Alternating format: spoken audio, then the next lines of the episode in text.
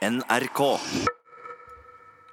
Det er nesten ikke til å tro, men når dette programmet sendes sommeren 2017, er det 17 år siden programserien Museum startet.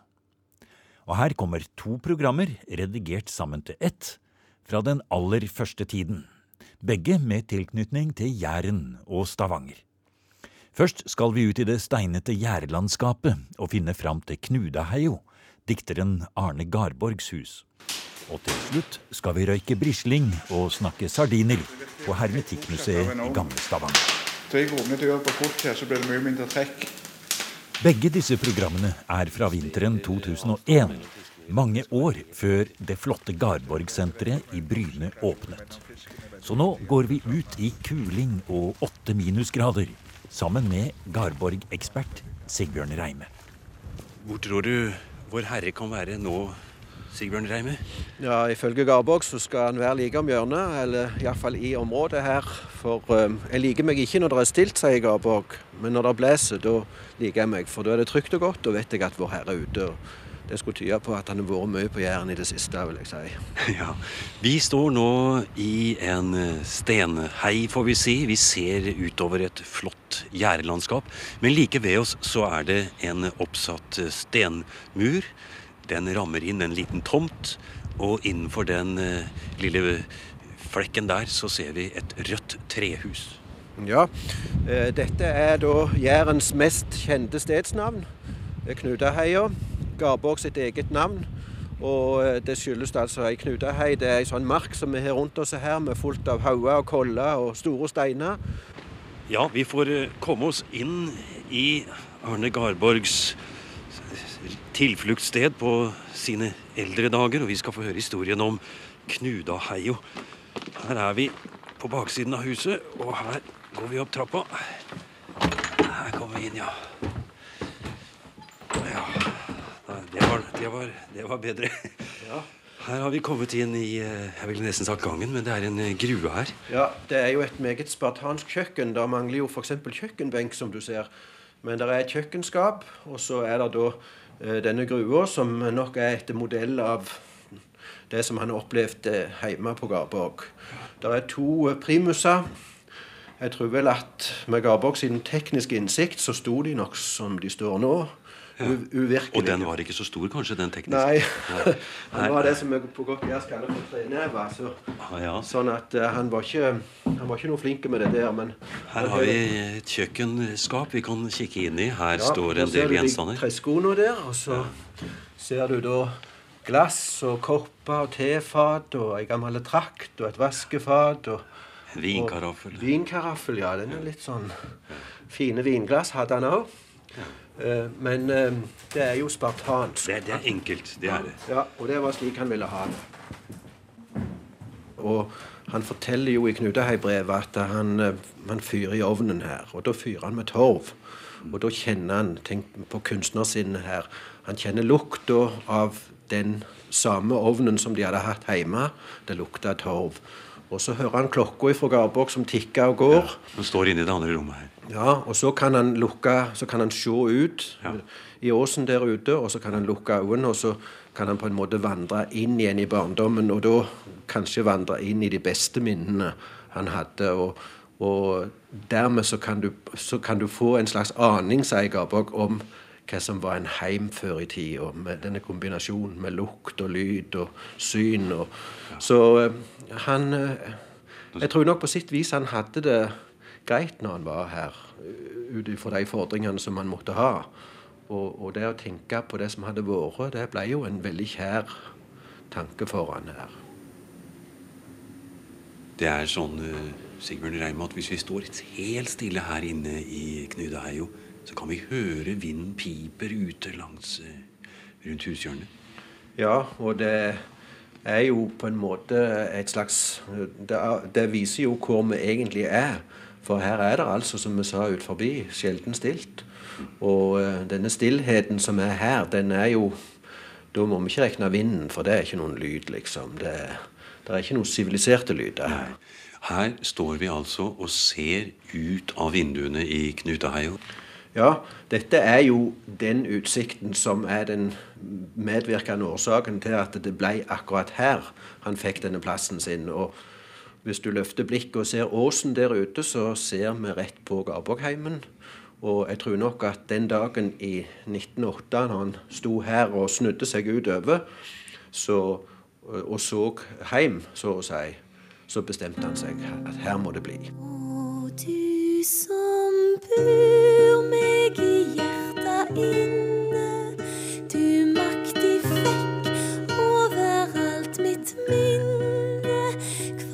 vesle hug sviv som framom trygg, det berre kviskrar Og eh, litt lenger opp med blikket så er det havet horisonten rundt. Ja, og det er den, på en måte er dette den samme utsikten som Garborg hadde sittet hjemme i Garborgåsen og kost seg med som guttunge. Han så til sjøen. Han så dette her, disse skyformasjonene over havkanten, som altså er alvelandet. Og når han kom her opp, så fikk han hele denne utsikten. Han så hele Jæren med hav ut forbi. Og det du sikkert ser nå, det er at selv om det er ganske langt vekke, så er det allikevel veldig nært. Mm. Når han satt her og så ut for en 80-90 år siden, så så han eh, et mye brunere landskap, et mye barere landskap. Eh, Men han hadde jo en drøm da at uh, dette skulle bli skogland igjen, slik som han visste det hadde vært en gang i tida. Og dette med skog, det var liksom en sånn rød tråd i Garborg sin drøm, at det skal bli mer skog på Jæren. Her hadde Arne Garborg det bra, får vi tro, hvis det går an å bruke et sånt ord om eh, nettopp denne dikteren. Men han hadde det i hvert fall så bra at han sa La oss håpe at ingen kommer hit og besøker meg. Ja, det er jo et, et fantastisk uh, utsagn, det der. Og jeg tror på en måte at en, uh, er nok litt ironisk. Men uh, jeg håper det ikke kommer folk. Han mente nok det på sett og vis òg. Han likte ensomheten. og det som er sannheten om den eldre Garborg, det er jo det at han som menneske og person var vanvittig beskjeden. Og han likte denne ensomheten og stillheten her oppe. Her var det ingen som hadde noen fordringer til han, ingen maste på han. eh, Og han kunne gjøre egentlig akkurat det han ville, og det passet han jo utmerket. Når det er sagt, så er det klart at han sleit nok ganske tungt eh, de siste 25 åra av sitt liv med et depressivt sinn som i, i perioder holdt på å knekke han fullstendig. Så han trengte kanskje den ensomheten òg. Om soli lyser på himmelen blanke Nå ser hun deg, det er all min tanke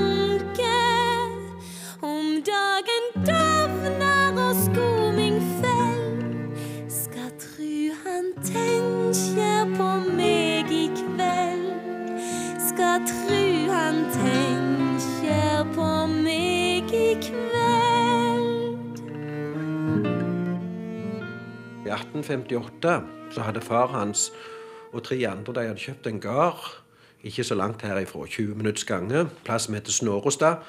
Og det var her Garborg ble sendt som gjeddergutt i begynnelsen av 1860-åra. Og der møtte han Haugtussa, sier han sjøl, eller Veslemøy.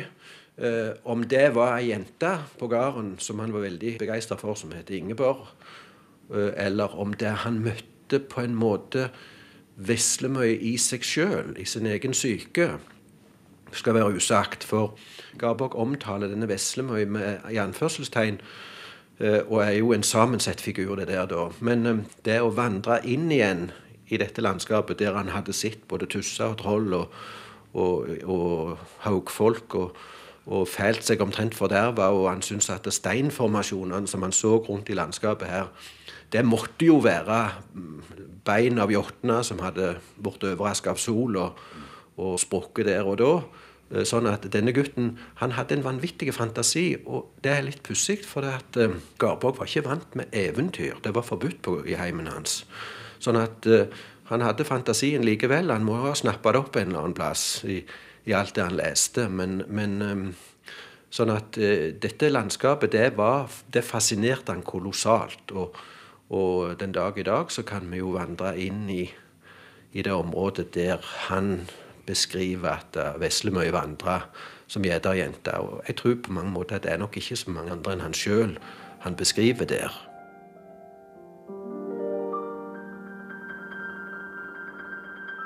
Men her satt uh, Garborg, her var han ofte. Og i de 24 årene han uh, hadde dette stedet, så var han her uh, nesten hvert eneste år. Han kom som, nærmest som trekkfuglene kommer. Ja, og det var ikke så sjelden på Jæren at en hørte folk oppover bygda her sa at Garborgen er kommet. Og da var det ingen som var i tvil om hvem en mente, for Garborgen det var bare Arne Garborg. Den stolen, gyngestolen her, den var han veldig glad i. Den fikk han av Kitty Kielland altså maler, malerinnen. Og hun var jo ei god venninne av Garborg. Det var ikke akkurat bror hennes, Alexander. Så hadde han en liten stol som han satt med bordet der. Det du ser langs vinduet der, det er gjestebenken hvis det skulle komme overnattingsgjester. ja, den er ikke det. Nei, de, de, må ikke være for tjukke, sier Garborg. Men de må heller ikke være for tynne, for da blir det for hardt å ligge på han. Men altså, han, han kaller det for det overnattingsbenken, da. Her er det også det er en vedovn i, ja. i hvert, en etasjeovn i hvert rom her. Ja. Nå er vi altså i det som er, som er, omtalt som det andre rommet. Det er klart at Hvis vi ser på dokumentasjonen på bildene her, så ser du at Garborg hadde ingenting på veggen. Det hadde ikke han sans for, rett og slett. For han han, det var ingenting på veggen. Det, det, som man kan undre seg på her i dette huset, det er denne det er en, laserte Ja, det er en lasert blå kant ja. helt øverst mot taket. Ja. Det øverste bordet der, mm. som er eh, dekorert på en måte Det er ganske effektfullt. Ja, men, men det er ingen som kan svare på hvem sin idé det kan ha vært. Ja, Tror du aldri Hulda har vært her, da? Jo, Hulda har vært her. Det kan du se på bildet der. Ja, her har vi bildet. Veldig sånn ja, der sitter jeg vet ikke om Det virker, ja. det er jo litt romantisk når hun ja. holder den i hånda der, selv om hun virker som hun har tankene en helt annen plass. Det er nå for øvrig han òg. Ja. Men, men, hun har nok vært her. sånn at det spørs om ikke det kan være en idé hun hadde, men det fins ingen dokumentasjon på denne laseringen. Der kan du for øvrig se hvordan huset ja. så ut. Og her er det ikke et tre på det bildet som vi Nei. ser her nå. I dag så står det jo noen trær som er ja. planta inn her. Er de trærne plantet av Garborg? Han planta tre i sin tid her, men så opplevde han til sin store skrekk at de tok utsikten, så han måtte ta dem ned på størrelsen. Men det meste av det som vi ser rundt på eiendommen nå, det er nok planta faktisk etter hans død. Nå skal vi bare høre på lyden i Knudheim.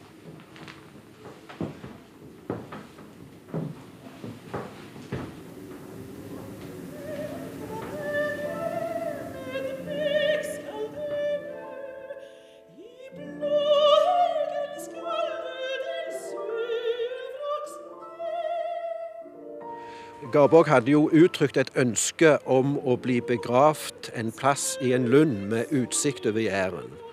Eh, og da kunne han jo være som en skogvokter, sier han sjøl. Eh, I 1913, når han var her, så gikk han rundt i marka, og da kom han på et dikt som han hadde skrevet faktisk i 1891, som står i fred. Og det er da som Josef den ene draum, altså dette diktet om lyktemannen. Ja, og det er det som står på Ådne Eivindsson Garborgs gravsted, for det var hans navn. Ja, her hjemme så ville jo være unaturlig. Garborg kalte seg omtrent aldri for Arne Garborg her på Jæren. Det, en merker det faktisk allerede i 98 når han skriver på skjøtet for eiendommen her at han kaller seg for, for Ådne Eivindsen Garborg. Og altså Arne det kunne han ikke kalle seg her, for her var han ikke noe annet enn Ådne. Nå blåser det rundt øra på oss her, og vi står her på denne helt spesielle gravhaugen innenfor det fine stengjerdet her ved Knudaheie, Og ser der ute ser vi langt til havs rundt hele horisonten, og det er et jærlandskap som kommer innover oss.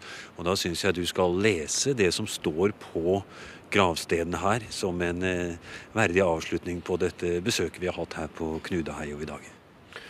Ja, eh, der står jo da, eh, som navnet hans var, Ådne Eivindsson Garborg.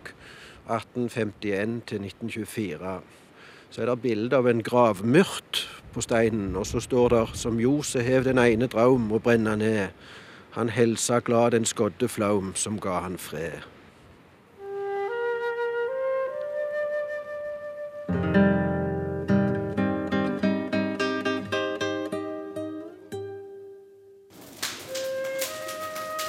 Det er tidlig søndag morgen i gamle Stavanger. Byen sover, ute er det kaldt, men her inne, i Øvre Strandgate, fyrer vi. Vi er i Norsk Hermetikkmuseum, og Tore Førland er i full gang. Vi fyrer med ekeved fra Jæren. Det skal røkes brisling. Vi skal følge den samme produksjonsprosessen som arbeiderne i Venus Packing Company fulgte i disse lokalene for 100 år siden. Hermetikkmuseet i Stavanger ble åpnet i 1982, samme året som Christian Bjellands siste fabrikkanlegg i byen ble nedlagt. Lokalene var hermetikkfabrikk fra rundt århundreskiftet. Én av til sammen 72 hermetikkfabrikker bare i Stavanger. På det meste var det mer enn 200 fabrikker for fiskehermetikk her i landet. Nå er det bare én igjen. Det virker helt motsatt av en ovn. Da jeg å gjøre på fort her, så blir det mye mindre trekk. Vanlige om, så er det helt omvendt. Og det er mye som er omvendt og annerledes når en skal røke brisling etter gamlemetoden. Den antikke hermetikkfabrikken har murgulv og murvegger. Det må spyles og holdes rent, og før brislingen kan røkes, må den i saltlake.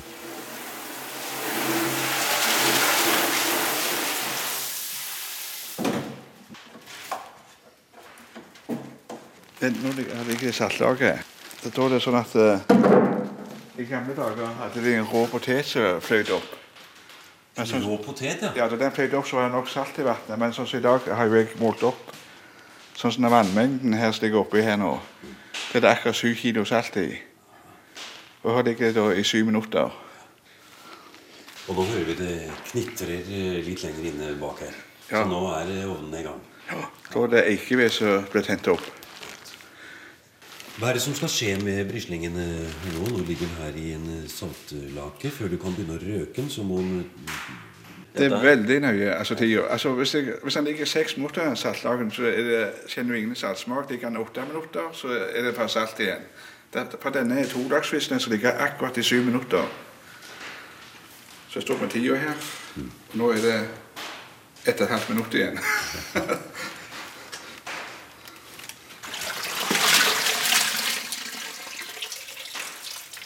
Nå setter du altså brislingen med hodet ned i en, eh, i en lang eh, list med huller i bortover her. Og det er fordi at de snart skal bli gjennomboret av en eh, stang, slik at de kan bli hengt inn i en røykekasse. Det er en, nesten som en giljotin, dette her. Stemmer det. Her kommer stikker den inn her. Så er det to avdelinger her. Altså, nå, siden dette er todagsfisk, så skal det brukes det underste. Tres inn i sånn. Nei, det var elegant. Og her kommer det opp altså med en stang med perfekt avstand. Og her henger det Hvor mange brisling er det som henger der? 22. Og Dette er arbeidsfolk på Stavanger Preserving som fant det opp. Ikke ingeniører og teknikere osv. Og, og da, sånn at eh, de hadde jo det bordet bak her. Så, så det, da var det to kvinner som sto. En kvinne tredde det innpå teina da. Eller stanga her, som vi kaller for teina. Nå stikker du rett og slett gjennom øyet. ja, ja. Ja. Så gjorde du sånn da, Og så var det en annen da som sto og tok den rette avstanden. Altså en fingeravstand mellom hver fisk. Så må jeg se sånn som Den fisken her er jo skada i skinnet. ja. Det betyr det at hvis jeg røyker den fisken her nå, så blir den bitter i smaken. Og da vil de se på meg med store øyne og klage over dette. her. Derfor gjelder det å få den vekk fra Ja. røyken. Så her foregår egentlig to ting. Det foregår selvfølgelig det at du setter all brislingen klar nå, men samtidig hver enkelt fisk den snur du litt på, undersøker, slik at eh, du vet at den lar seg røyke. Ja, stemmer det. Bare en liten skade i skinnet, så er, så er det ødelagt. Så blir den helt bitter, ja. Ja. Men dette tok de jo under ett sekund på. Det gjør ikke jeg i dag, som du ser. ett sekund på hver fisk, ja. Ja. Nei, det er utrolig. Ja.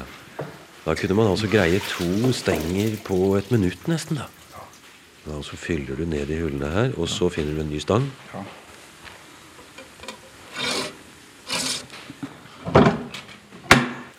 Her har det nå kommet én, to, tre, fire teiner, som du sier. Og her henger brislingen med hodet opp, vipper med halene der eh, og, står og, og henger klar til eh, når det da senere skal føres inn i, i ovnen. Og da skal det, Hvor lenge skal de være inne i røykovnen? under disse ekstreme forhold Temperaturen varierer i denne nå her i utstillingsproduksjonshallen mellom fem og ti varmegrader. Så må det nok være over to timer. Men normalt om sommeren så tar det én time.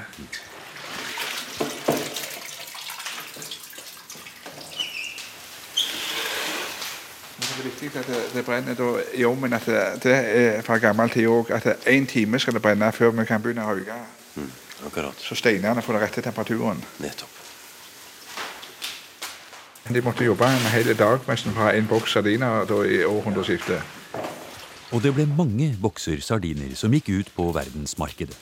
I 1915 ble det produsert 37 millioner kilo fiskehermetikk.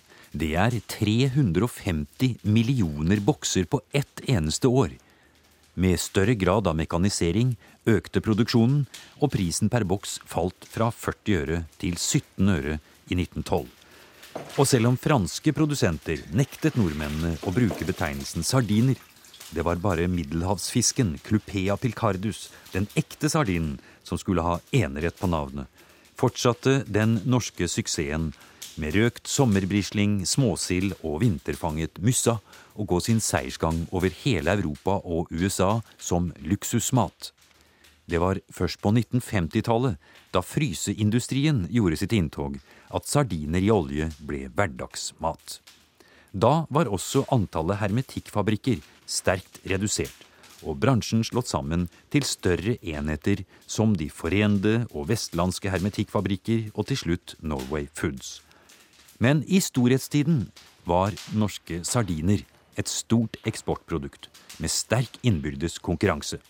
Ikke minst boksenes etiketter gjenspeiler denne PR-krigen. På Hermetikkmuseet er det samlet mer enn 25 000 etiketter. På stavangerdialekt blir det idiketter, eller rett og slett idisar. Og vi forlater Tore Førland og røkingen et øyeblikk for å bli med museets daglige leder, Peach Crocker fra England, for å se på etiketter i alle regnbuens farver og motiver. Særlig kongefamilien går igjen. Ikke minst kong Oskar den første, som var så fornøyd med de norske sardinene at han ga en Sankt Olav til en av bransjens grunnleggere. Men det som er av interesse her, er en etikett som står prins Olaf med F på. På de som har Olav med V, står også Christian Bjelland. Hver eneste. Men de som har prins Olaf med F, det står ingen fabrikknavn på. Og det er kanskje litt uh, ulovlig bruk uten tillatelse fra uh, kongefamilien. Men fabrikkeieren han, han, kommer til å si ja, prins Olaf det er ikke det samme som prins Olav med V. Hva er problemet? Men Det er også et bilde av kongen her. og vi ser, vi så, vi ser jo også Her har vi altså Håkon den syvende, prins Carl har vi her, og uh, Queen Maud, som det står. Queen Maud Brand. Det er på engelsk, dette her. Ja, Queen Maud, dronning Maud, hun var selvfølgelig datter til dronning Victoria. Så kommer den etiketten til å bli brukt i England, og det var ganske populært der òg. Ellers så ser vi jo her et annet veldig populært eh, tema. Det er norrøne motiver. Holmgang sild. Og her er det også Olav, ser vi her, men det er Normanna, Valkyrie, King Halvdan, du. Her kommer også Halvdan Svarte fram. Her er det Odin, det er Viking Brand, det er Fridtjof, den frøkne her, ser vi. King Magnus. Eh, og det er jo Det er helt utrolig. Her har man altså gått igjennom. Her har vi Gangerolf. Hele den norske hele, Og det kanskje mest uh, fremtredende er altså et bilde av to vikinger som går holmgang. Uh, de har vel nettopp spist sild der, da. Selvfølgelig. Det er en god, god helsemat som gir sterkt til, til, kampen. Og så har vi jo noe med litt eh, svung over her også. Vi har Emil Sola, vi har Carmen Sardini. Rettet selvfølgelig imot den franske markedet.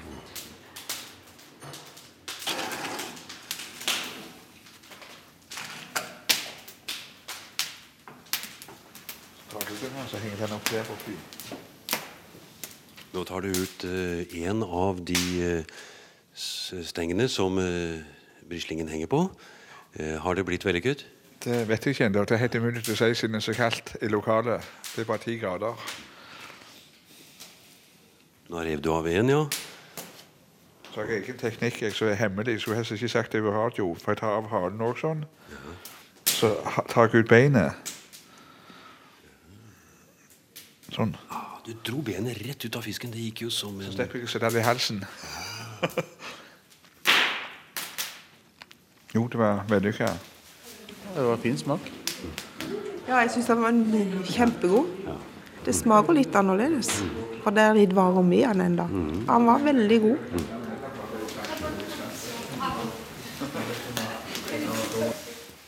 Jo, det var vellykka.